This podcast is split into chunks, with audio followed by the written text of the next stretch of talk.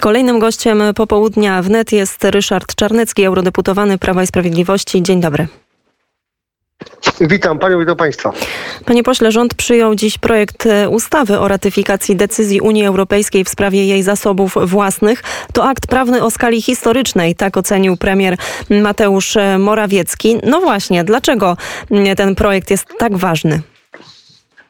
Dlatego, że jego następstwem powinny być największe w historii Polski pieniądze z Unii Europejskiej. Pieniądze, których y, nigdy wcześniej nie było, aż takiej skali i uwaga, uwaga, nigdy już nie będzie, ponieważ za mniej więcej 7-8 lat Polska stanie się sponsorem Unii Europejskiej, Polska stanie się y, y, krajem, który będzie Unię utrzymywał, ponieważ nasza składka członkowska pod koniec dekady lat 2020 będzie większa niż środki y, z Unii Europejskiej na projekty, które w Polsce będą realizowane.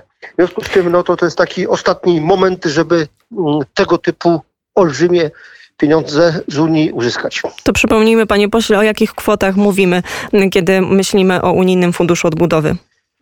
No, oczywiście tutaj od razu dodam takie zastrzeżenie, że jaka będzie praktyka, to zobaczymy. E, Polska jest na trzecim, czwartym miejscu równo egzekwo z Francją, gdy chodzi o e, te środki za Włochami i Hiszpanią. No tyle, że mamy w do Francji więcej pożyczek. E, czy, czy Francuzi w ogóle uniknęli tego? Te pożyczki będziemy spłacać. E, aż do roku 2058. E, I e, no, to być może jest pewne obciążenie, ale jednak dzięki bardzo dobrym ratingom, które Unia Europejska ma, ratingom ekonomicznym, te pożyczki są bardzo nisko procentowane.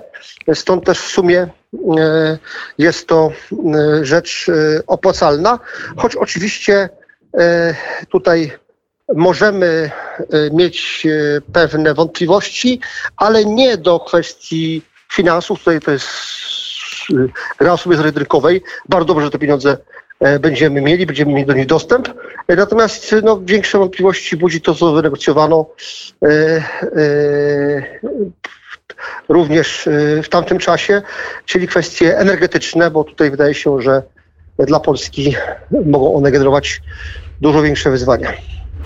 No i jak to też niestety można powiedzieć już e, tradycyjnie bywa, jeżeli chodzi o polską scenę polityczną, to i w tym, e, i w tym przypadku mamy bardzo dużo spornych kwestii. I to już nie tylko tak, że lewica tutaj podnosi te głosy, ale także e, prawica jest podzielona także, doty, doty, jeżeli chodzi na przykład o głosowanie nad projektem właśnie tego wsparcia z Unii Europejskiej. Jak pan to ocenia?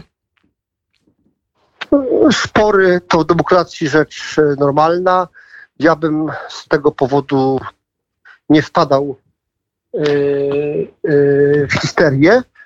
Natomiast to, co jest y, ważne, no to to, że i tak, i tak rządowi starczy. To chciałbym uspokoić głosów do tego, żeby Recovery Fund, czyli Fundusz Odbudowy, został ratyfikowany przez polski parlament, e, ponieważ e, w moim przekonaniu opozycja znalazła się w pewnej pułapce.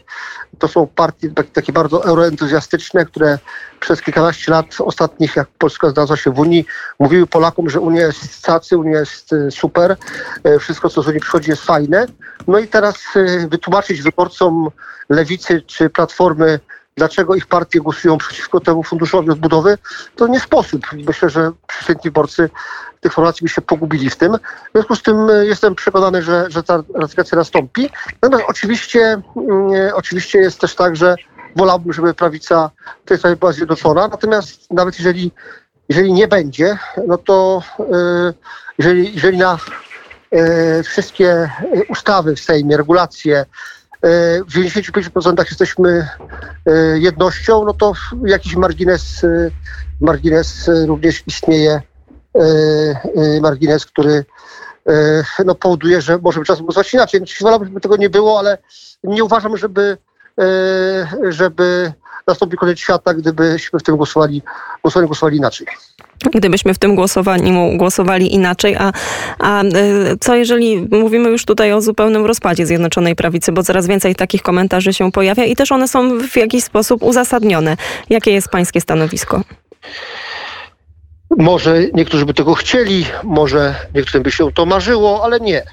E, Jestem przekonany, że e, nasza koalicja prawicowa będzie trwała dalej.